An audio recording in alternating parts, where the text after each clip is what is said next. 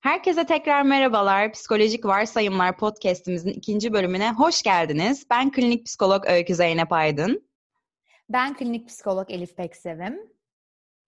E, bugünkü podcastimizde düşünce çemberinden çıkmak mümkün mü konusunu konuşacağız. Bu konu ikimizin de evet. çok ilgisini çeken bir konu ve bu konuyu aslında çok güzel özetleyen ve toparlayan bir söz var. Budist bir yazarın bir sözü. Onunla başlamak istiyoruz. E, şöyle diyor bu sözde, dikkate alınacak tek faktörün kendi benliğimiz ve kendi düşüncelerimiz olan bir dünyada yaşamaya zorlanırsak bu hayal edilebilecek en kötü hapishane olurdu. Elif ne anlatıyor bu söz sana? Bize paylaşmak ister misin? Yani gerçekten e, bende şunu çağrıştırıyor ki dikkatin sadece düşüncede olması Hı-hı. ve sadece düşüncelerine göre hareket eden bir insanın e, ne kadar aslında tehlikeli bir yere gideceğini anlatıyor. Biz de zaten aslında seninle birlikte bu yüzden çember hani o labirent o kısır döngüden bahsediyoruz. Hı-hı. Çünkü gerçekten insanoğlu olarak düşüncelerimize çok hapsolma eğilimindeyiz. Yani Hı-hı. o girdaba girdikten sonra çıkması hakikaten çok güç. Bu yüzden Hı. dediğine katılıyorum. Bunu çok iyi anlatan bir söz olmuş. O hapishaneyi, o zihinsel hapishaneyi çok iyi anlatıyor. Ki aslında biz de bu tekrarlayıcı, kronik, inatçı, o uzun uzadıya olan e, o sözel negatif düşünce zincirine de ruminasyon diyoruz. Aynen öyle. Aslında bugün biraz bunu ele alacağız. Bununla ilgili neler yapabiliriz? Biraz da kendi kişisel deneyimlerimizden bahsedeceğiz. Aynen öyle. Elif senin de çok güzel özetlediğin gibi bu söz aslında ruminasyonu da anlatan bir söz ve düşünce çemberinden çıkmak mümkün mü konuşurken de ruminasyonu konuşmadan tabii ki geçemeyiz. Evet. E, çünkü ruminasyon özellikle son 15-20 senedir çok fazla araştırılan bir konu ve e, insanların içinde bulunduğu psikolojik işte rahatsızlıkların, bazı psikolojik rahatsızlıkların belki başlatıcı sebebi değil ama sürdürücü ve şiddetlendirici sebepler arasında çok fazla görülüyor. Çünkü ruminasyonda senin de çok güzel özetlediğin gibi kişinin içinde bulunduğu bu duygu durumunu, özellikle negatif duygu durumunu sürekli ve sürekli kafasının içinde tekrarladığını görüyoruz. Yani işte neden böyle oldu, neden ben böyle hissediyorum, neden başka insanlar böyle hissetmiyor değil mi? Özellikle depresyonda görüyoruz bunu. Kesinlikle katılıyorum dediğine. Benim de aklıma şimdi sen böyle söyleyince depresif ruh halim geldi. Yani gerçekten insan o depresif ruh haline girince geçmişe dönüp neden böyle olduğunu sorgulamak istiyor. Analiz etmek istiyor. Yani neden benim başıma bu geldi deyip orada aslında bir neden sonuç ilişkisi kurmak isteyip o Hı-hı. sorularımıza bir cevap arıyoruz. Yani neden ben böyle hissediyorum? Dünyada tek işte böyle hisseden kişi ben miyim? Evet. Ya bir de şunun da tabii şöyle bir yanı var öykü. Zaten depresyon dediğimiz dediğimiz şey nedir? O işte psikomotor aktivitenin ciddi düşmesi değil mi? Yani ben bir şey yapamıyorum. Eyleme geçememek. Belki. Aynen öyle. e şimdi o boşluğu aslında gelip o ruminasyon, bilişsel aktivite dolduruyor. Hadi bakalım sen zaten burada bir boşluktasın. Ben de seni düşünerek aslında bir şey yapıyormuş gibi gösterip orayı doldurayım diyor ve kişi iyice depresif ruh halini beslemiş oluyor. Yani Aynen. ne kadar acılı bir şey aslında. Evet. Dolduruyormuş illüzyonu yaratıyor aslında değil mi? Aynen yani öyle. Düşüneceğim, düşüneceğim, düşüneceğim ve bir şekilde bunun için işin içinden çıkacağım illüzyonu kişiyi bunu yapmaya devam etmeye teşvik ediyor. Çünkü her ne kadar bize zarar verse de biliyoruz ki bize bu zarar veren alışkanlıkları devam ettirmemiz için bazı motivasyonlarımız olması gerekiyor. Ve ruminasyonda da görüyoruz ki bu motivasyonların belki de en büyüğü ben bunları çok fazla düşünürsem ben bu işin içinden çıkarım inancı. Kesinlikle öyle yani çok doğru bir yere değindin çünkü kişiler Hı. genelde hani şeyi söyler yani okey ben de biliyorum aslında bu uzun uzadıya düşünmenin neden bu kadar zararlı olduğunu. E aslında bak bu sosyal anksiyete de var. Aynen öyle. Değil mi? Yani örneğin işte sosyal anksiyete bozukluğunda kişinin çok fazla kendine odaklanmış dikkatinin yüksek olduğunu görüyoruz. Yani kendine odaklanmış dikkatte ne demek?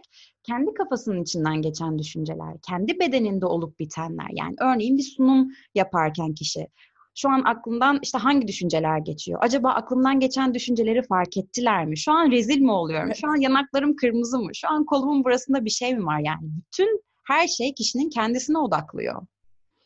Ve aslında sonra ne yapıyorum? Hani sosyal fobinin zihnine girelim biraz. Eve hmm. geliyorum. Hı-hı. Hem o sunum anında bunu yapıyorum. Aynen bir de öyle. Gidiyorum ve bir dakika Elif sen o sunumda ne dedin? Ya bu dediğin ne kadar rezil edici bir şey. Bak orada insanların içinde rezil oldun. İşte Hı-hı. utanç durumuna düştün kendini. Bak kesinlikle artık işte sunum yapamayacak duruma geleceksin. İnsanların karşısına çıkamayacaksın. Acaba işte orada yeterince ilginç bir şey mi söyledim deyip bir de gerçekten o sunumla ilgili de ruminasyon yapmaya başlıyorum. Ya ne kadar ortak bir nokta farkında mısın? Bütün psikopatolojilerde ne kadar sürdürüyor, ne kadar kronikleştiriyor. Kesinlikle. Zaten herhalde bu yüzden de görüyoruz değil mi? Sosyal anksiyete bozukluğunu gördüğümüz zaman genellikle kişilerde depresif bir duygu, duygu durumunda bunun beraberinde evet. getirdiğini fark ediyoruz. Evet. Çünkü düşünsene yani bu kişinin eve gelip saatlerce bu sunumla ilgili ruminasyon yaptıktan sonra depresif çökkün bir duygu durumuna girmemesi aslında çok da mümkün olmazdı. Yani kendi yeterliliğiyle ilgili sorgulamalar, ne dedim, ağzımdan ne çıktı, sürekli bir kontrol Kesinlikle. ihtiyacı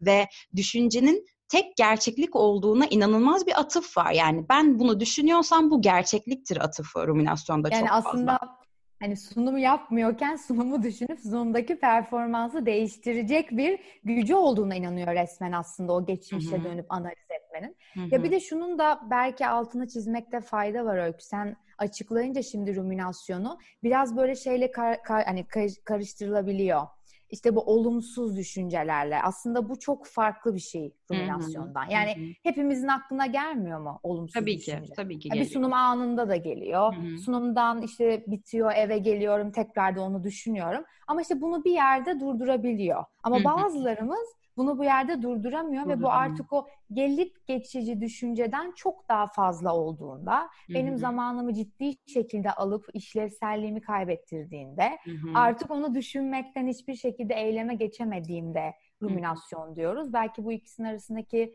e, farkı belirtmek de önemli. Kesinlikle yani her olumsuz düşünce ruminasyon değil. Buradaki o farkı vurgulamak çok çok önemli. Yani tekrar edici, kişiyi inanılmaz şekilde meşgul eden, aslında zihinsel geviş getirme denmesinin sebebi de bir bakımdan bu. Evet. Yani geviş getirmede ne vardır? Sürekli aynı şeyi tekrar tekrar tekrar tekrar ve belki aynı şeyle ilgili bir düşünce olmasını da vurgulamak önemli. Yani o olay geçmiş bitmiş ve arkasından başka olaylar bile gerçekleşmiş belki ama kişi o olayda saplanıp kalıyor ve bununla ilgili artık değiştiremeyeceği bir şeyle ilgili devamlı olarak yeni düşünceler üretiyor ve bu düşünceler büyüyor, büyüyor, büyüyor. Tıpkı o işte kar tanesinin bir çığa dönüşmesi Aynen öyle artık o. Zihinde aynen o bitmeyen bir mesai gibi 7-24 o şey işlenmeye devam ediyor ve tabii ki çok inanılmaz bir zihinsel yorgunluğa sebep oluyor. Bir de farkında mısın? Yani kişiler geçmişe dönüp analiz ederken e, çok yanlı da bir data topluyorlar. Yani çok Kesinlikle. gerçekçi değerlendirmiyorlar aslında o olayı. Yani depresyonda Hı-hı. da görüyoruz, sosyal anksiyetede de görüyoruz. Hatta OKB'de de ruminasyon aslında çok yaygın. Ki. Hatta bu hani secret e, felsefesi vardı bir ara bizim başımıza. Başımıza bela. Terapistler olarak. Yani düşünsene yani bir OKB'ye sahip birinin en çok korktuğu şey zaten o düşüncelerinin gerçekleşecek olma ihtimali. Ve bu da ruminasyonu çok tetikliyor. E, Secret'ta da ne diyor? Her düşündüğünüzde inanın. Her düşündüğünüz zaten gerçekleşir diyor. Hı-hı. O yüzden orada da belki o aradaki farkı o yüzden belirtmek çok değerli. Yani düşüncelerimizin gücü sandığımız kadar değil. Evet ve de şey ne kadar tehlikeli bir mesaj değil mi? Hani olumlu düşünürsen olumlu olacak. Yani ne kadar insanın kendi gücüne yüzde yüz bir evet. e, şey veren, sorumluluk veren yani hiçbir dış e, etmen yok. Hiç başka koşulların hiçbir etkisi yok. Sen olumlu düşün ve olumlu olsun. Demek ki şu şu mesajı da veriyor. Olumsuz düşündüğüm için başıma bunlar geliyor. Ya da kısaca ben böyle düşündüğüm için böyle oluyor. Yani buna da ne demek? Düşüncelerim tek gerçek kaynak ve hayatımı belirleyen şey düşüncelerim gibi de bir mesaj veriyor. Yani kontrol Kesinlikle. bende değil. Hı-hı. Kontrol düşüncelerimde onlar Hı-hı. ne dese zaten o olacağına göre Hı-hı. ben geri çekileyim diyor aslında ama Hı-hı. hayatımızı işte değiştiren şeyler maalesef o uzun uzadıya düşünce kalıpları rumine etmek değil, Hı-hı. davranışlarımız. Hı hı, kesinlikle. Bu arada az önce kısaca bahsettik ama bunu böyle tekrar ele almanın önemli olduğunu düşünüyorum Elif. Hani az önce dedik ya neden biz bu ruminasyon, bu düşünce çemberi bize bu kadar zarar verse de bunu yapmaya devam ediyoruz. Bunun altında hangi motivasyonlar yatıyor? İstersen birazcık bunu da konuşalım. Tabii ki de öyle. Aslında bir tanesi e, şu ki ben eğer geçmişe dönüp o olayla ilgili yeterince bir analiz edersem hı hı. hem geleceği de tahmin edebileceğimi düşünüyorum. Hı hı, Hem o endişeyle baş etme stratejim oluyor. Hı hem de sanki onu yeterince analiz edersem o durumu da biraz değiştirebileceğimi ve bunu geleceği de besleyeceğini düşünüyorum. Aslında böyle bir yanılgıya düşüyorum. Hı. Fakat işte o geçmişte yaptığım o analiz hiçbir şekilde benim geleceğimi değiştirmemekle birlikte anımı da elimden alıyor. Bu da tabii hayat kalitemi düşürüyor. Yani aslında bir motivasyon bu. Hı hı. Aynı zamanda kişinin bu kontrol ihtiyacını da tatmin ediyormuş gibi görünen bir şey. Tabii ki yine bir illüzyon ama e, işte düşüncelerimi sürekli kontrol altında tutarsam kaygılandığım bu şeyle ilgili kendimi güvende hissederim mesajı evet. ve algısı ve kısa süreli rahatlaması da veriyor insana. Yani mesela çok kötü işte ona kötü hissettiren bir olay olay gerçekleşti birinin başından ve sonrasında bununla ilgili ruminasyonlar yapıyor. Bununla ilgili işte bütün senaryoları tekrar tekrar düşünüyor. Ne söylediğini, ne yaptığını tekrar tekrar düşünüyor ve olayların üzerinde sahte bir kontrol algısı yaratıyor bu düşünceler. Halbuki gerçeklik Kesinlikle bu değil. Gerçekten bir kontrol hissetmiyor orada. Ama bu bir bir illüzyon belki de ve kişiyi kısa süreli olarak rahatlatıyor ve bu kısa süreli rahatlamalar bizim çoğu zaman o zarar verici davranışı yapmamıza devam ettiriyor. Aynen öyle. Farkında mısın? Burada aslında biraz olumlu inançlardan da bahsettin. Yani kişi o kadar inanıyor ki Hı-hı. bir şeyleri düşünerek halledebileceğini. İşte o sorunları anlamak, bir çözüm bulabilmek, sorunlarım ile başa çıkabilmemin tek yolu bunu yeterince çok detaylı bir şekilde analiz edebilmek. Hı-hı. Bakın eğer ben bunu yeterince düşünmüyorsam hatta önem vermiyorumdur gibi bir şeye bile girebiliyor. Yani bu benim mesela kişisel hayatımda bir dönem yaşadığım bir şeydi öykü. Evet. Yani işte kariyerimle ilgili mi bir şey yapıyorum? Kariyerimle ilgili mi düşünüyorum arasındaki farkı anlayana kadar herhalde böyle günümün ya en az bir 4-5 saatini hakikaten rumine ederek e, geçirdiğimi hatırlıyorum. Çünkü işte Elif'in motivasyonu da şuydu. Bak önem vermeli göstermenin yolu onunla ilgili düşünmek. Ama aslında kariyeri de, mesleği de, hayatımızdaki her şeyi de değiştirecek olan tek şey yaptıklarımız veya yapmadıklarımız. Hı hı. Ebeveynlerde de bunu çok sık görüyoruz değil mi? Yani çocuğumla Tabii. ilgili çok düşünmeliyim. Yani çocuğumla ilgili e, ne kadar çok düşünürsem bu ona ne kadar değer verdiğimi gösteren bir ipucu olacak. Ve aslında ne kadar çok ebeveynlerin ruminasyon yaptığını görüyoruz. Yani acaba yanlış mı söyledim şunu yaparak çocuğumu? Çocuğumun geleceğini mi mahvettim? ne kadar böyle insana zarar veren bir davranış biçimi aslında. Ve biliyorsun aslında bunu bir başa çıkma stratejisi olarak kullanıyoruz Kesinlikle. biz ruminatif düşünce biçimini. E, sen de biliyorsun o yüzden ben tezimde de bu konuyu ele aldım. Yani bu evet. kadar çok sıklıkla başvurduğumuz bir başa çıkma stratejisi ki bu. Kendim de yaptığım için senle de işte sürekli konuşuyoruz. evet. Biz de buna çok başvuruyoruz. E, ve birçok soruna sebep oluyor. Peki biz ne yapmalıyız? Yani bu ruminatif düşünce biçimi adaptif yani işlevsel bir düşünce biçimi değilse bununla nasıl başa çıkmalıyız ya da bunun yerine ne koymalıyız? Değil mi? Yani o işlevsiz düşünme paterni yerine ben yerine ne koyacağım da Hı-hı. aslında bu ruminasyonun belki başta sıklığı azalacak Hı-hı. ve bir gün belki ortadan kalkacak. Ya ben şeyin çok değerli olduğunu düşünüyorum Öykü. Farkındalık. Şimdi Kesinlikle. farkındalık tabii biraz kelime anlamını yitirdi çok fazla kullanıldığı için psikolojide ama yani şunu demek istiyorum aslında farkındalık derken. Şimdi öncelikle eğer ben bu ruminasyonun gelip geçici olumsuz otomatik düşünceden farklı olduğunu öğrenirsem Hı-hı. artık onun beni manipüle etmesine eskisi kadar izin vermem. Ve Hı-hı. orada bir mesafe koyarım. Okey bak gene geldin ve ben bu hikayeyi çok iyi biliyorum. Ya ben mesela böyle yapıyorum gerçekten o senin bahsettiğin hani kar topu başladığı an o büyümeden onu orada kesmek farkındalık ve otomatik pilottan çıkmak. Yani bugüne kadar düşünerek neleri çözdün Elif? Şimdi bu işte evet. düşünmek istediğin konuyla ilgili bir şey mi yapmayı tercih edersin? Ki bu belki bir değişikliğe yol açabilir. Yoksa Hı-hı. oturup tekrardan 4-5 saatini vererek bunu düşünerek analiz etmeye mi ve hangisinin bedeli daha büyük aslında? Hı hı. Yani öncelikle otomatik pilottan çıkmak, ruminatif bir düşünce zincirine girdiğimi fark etmek çok değerli. Evet, burada şeyi de yapıyorsun aynı zamanda. Düşüncenin işlevselliğini sorguluyorsun. Okey, yani düşünebilirsin saatlerce, günlerce, aylarca. Peki bu evet. ne işine yarayacak? Yani bunun işlevini sorgulamak çok çok önemli. Ve dediğin gibi o düşünce geldiğinde aslında bununla ilgili kullanılan çok güzel bir metafor metafor var. Bu nehirdeki e, işte salınıp giden yaprakları düşündürtmek evet. örneğin. Yani o yaprak aslında bırakıp yani sen onu o nehri zaten kendi akışına bıraksan o yaprak akıp gidecek ve aynı olduğu yerde durmayacak. Ama sen o yaprağa müdahale edersen yani o düşünceye müdahale edersen ve tepki verirsen, tutarsan evet. o düşünceyi büyüyecek ve sana zarar vermeye başlayacak. Yani onu birazcık bırakabilmeyi öğrenmek senin dediğine de çok bağlantılı değil mi? Yani aslında o olağan sistemi ben bozuyorum. Yani zihin evet. yapısını ben bozup aslında oraya ket evet. vuruyorum.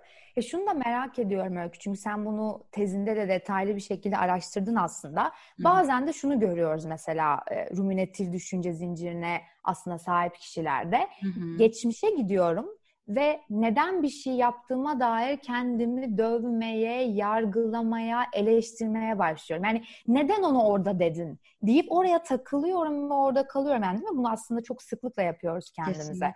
Sence burada işte buraya ne konabilir?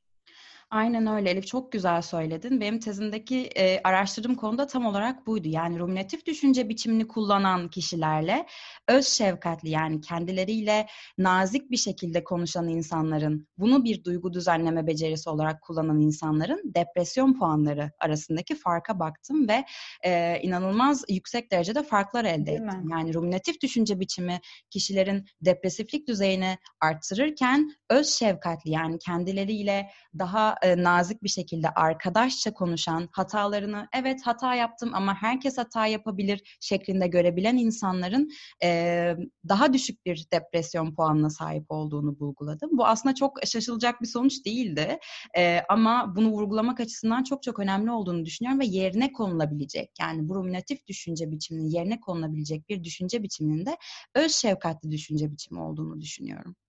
Kesinlikle çok doğru ve çok değerli bir çalışma bence. Çünkü ruminasyon benim kendime olan öz şefkatimi de bitiriyor. Çünkü ben sürekli günümün yarısını hiçbir şey yapmayarak ama sadece kendimi eleştirdiğim bir konu bulup oraya stak olduğumda Hı-hı. tabii ki de doğal olarak zaten depresif ruh halim artıyor. Hı-hı. Ve aslında konuşmamızın başında belirttiğimiz gibi bugün değil mi MKT terapisinde de depresyonda ne kadar önemli bir rol oynuyor ruminasyon. Bu yüzden Hı-hı. o ruminasyonu aslında birazcık ortadan kaldırıp yerine öz şefkat şeker koyduğumuzda harika bir şey oluyor. Yani kendimize daha destekleyici olmak. O işte bir başkasının başına geldiğinde çok cici bici aslında destekliyoruz. Çok gerçekçi olabiliyoruz ama işte kendimize geldiğimizde o desteğimiz çok yanlı oluyor. Çünkü işte hani yeterince eleştirirsem ilerleyebilirim de çok evet. büyük bir motivasyon. Bu öğrenilen de bir davranış değil mi aslında? Ebeveyn, e, bazı ebeveynlerimizden de öğrenebildiğimiz yani motivasyon kaynağını eleştirmek ve yargılamak olarak kabul eden ve bu davranışı öğrenen kişi kendiyle de böyle konuşmaya başlıyor. Yani bu kendisinin iç sesi olmaya başlıyor. Daha başarılı olmak için kendime daha çok işte yargılamalıyım. Kendimi daha çok eleştirmeliyim. Halbuki bunun kişiyi ne kadar da yıprattığını pek çok çalışma gösteriyor. Bir de öykü şunu da belki belirtmekte fayda var. Yani neler yapılabilir, ruminasyonu biraz daha dengede tutmak, biraz daha kontrol etmek, biraz daha belki sıklığını azaltmakla ilgili. Aslında o düşünceleri birazcık erteleme. Yani ne yaptık? Önce farkına vardık böyle bir zincire girdiğimizin birazcık kendimizi destekledik, biraz kendimize nazik davranmaya başladık. Hı hı. Fakat gerçekten çok ağır, çok ekstrem boyutlarında aslında şu da çok faydalı olabiliyor. Ki araştırmalarda da bu literatürde de aslında ruminasyon erteleme olarak geçer. Yani hı o düşünce zincirine girdiğimizde aslında onu bir 15 dakikaya mesela ben bunu işte 8-8 çeyrekte istediğim kadar düşüneceğim, kendimi eleştireceğim, yeterince bu konuyu analiz edeceğim ama şu an değil. Çünkü ben şu anda Öykü'yle podcast çekiyorum değil mi? Ben şu anda arkadaşımla bir kahve içiyorum. Ben şu anda ödev yapıyorum. Ben şu anda arkadaşımla oturuyorum.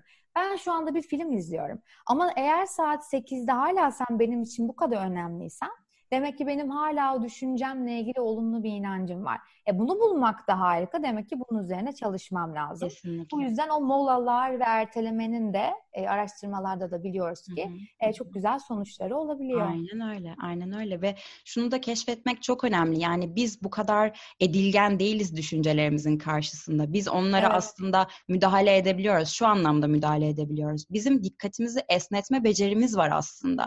Yani biz dikkatimizi bir şeyden alıp diğerine verebiliyoruz. Bu yüzden de aslında senin de dediğin gibi MKT'nin de kullandığı araçlardan bir tanesi bu dikkati esnetme egzersizleri. Yani bunlarda da ne yapıyor kişi? İşte arkadan 5-6 farklı ses gelirken kendi dikkatini bunlardan yalnızca bir tanesini vermeyi öğretiyor. Bu da aslında bize şunu gösteriyor. Yani ben dikkatim karşısında aslında söz sahibiyim. Yani ben bunu evet. esnetebiliyorum. Ben sadece vücudumu değil, zihnimi de esnetebiliyorum. Yani spor sadece vücuda yapılan bir şey değil. Beyin de, zihin de bir egzersiz yapabiliyor ve bir şeyleri tekrar öğrenebiliyor aslında.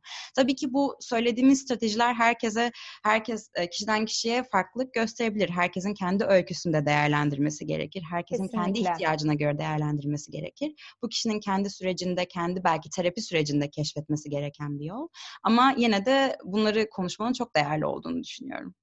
Kesinlikle ben şu yüzden de çok değerli olduğunu düşünüyorum Öykü. Çünkü farkında değiliz. Yani çünkü o kadar aslında otomatik pilotta yaptığımız bir şey ki yani bazen ben şöyle oluyorum ya ben bu kadar düşündüğümün farkında değildim. Çünkü o kadar ona yapışıyorum. O an o kadar çekici geliyor ve o kadar ondan aslında iyi şeyler alacağımı düşünüyorum ki işte birinin belki de iyi bir psikoterapistin, iyi bir terapi sürecinden geçersek bunun aslında ne kadar işlevsel olmadığını ve yerine dediğimiz aslında öz şefkatle, ertelemeyle, farkındalıkla, dikkat esnetmeyle e, ne kadar değişiklik gösterdiğini bugün biliyoruz. Bu yüzden kesinlikle burada konuştuklarımız sadece aslında bir farkındalık arttırma amacıyla. Kesinlikle. Eğer kişi gerçekten e, böyle bir ruminatif haldeyse profesyonel bir destek almalı diye düşünüyoruz. Kesinlikle aslında podcast'in başında sorduğumuz soruya cevap vermiş gibi olduk. Yani düşünce çemberinden çıkmak evet. mümkün mü diye sormuştuk. Evet mümkün. Bunun farklı farklı yolları var. Kişinin kendi sürecinde çalışması gereken bir şey aslında. E, bugün bu şekilde özetlemek istedik aslında bu konuyu. Umarım keyifle dinlemişsinizdir. Bir sonraki bölümde görüşmek üzere. Kendinize çok iyi bakın. Hoşçakalın. Hoşçakalın.